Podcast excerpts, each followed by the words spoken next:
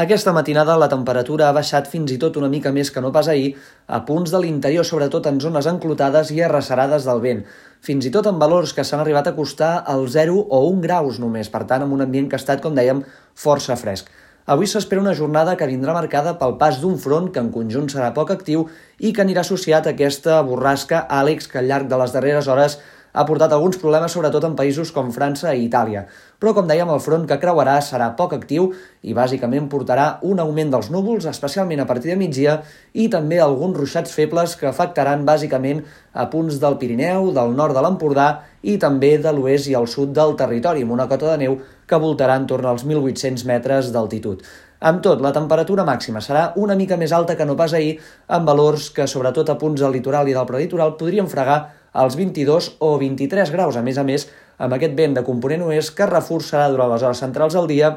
i bufarà amb cops de 50-60 km per hora, sobretot a punts de l'altiplà central i també cap al camp de Tarragona. De cara a demà s'espera una jornada que en conjunt serà molt tranquil·la i assolellada. Tot i això, a partir de migdia creixeran nuvolades, sobretot a punts del nord-est, i al llarg de la tarda fins i tot poden arribar a caure alguns ruixats o xàfecs preferentment a punts de les comarques de Girona, amb una temperatura que es mantindrà sense massa canvis o fins i tot tendirà a pujar una mica més. De fet, s'espera una setmana que en conjunt vindrà marcada per un augment de la temperatura màxima, sobretot entre dimecres i divendres l'ambient serà fins i tot calorós, però en canvi les matinades es mantindran força fresques, per tant s'accentuarà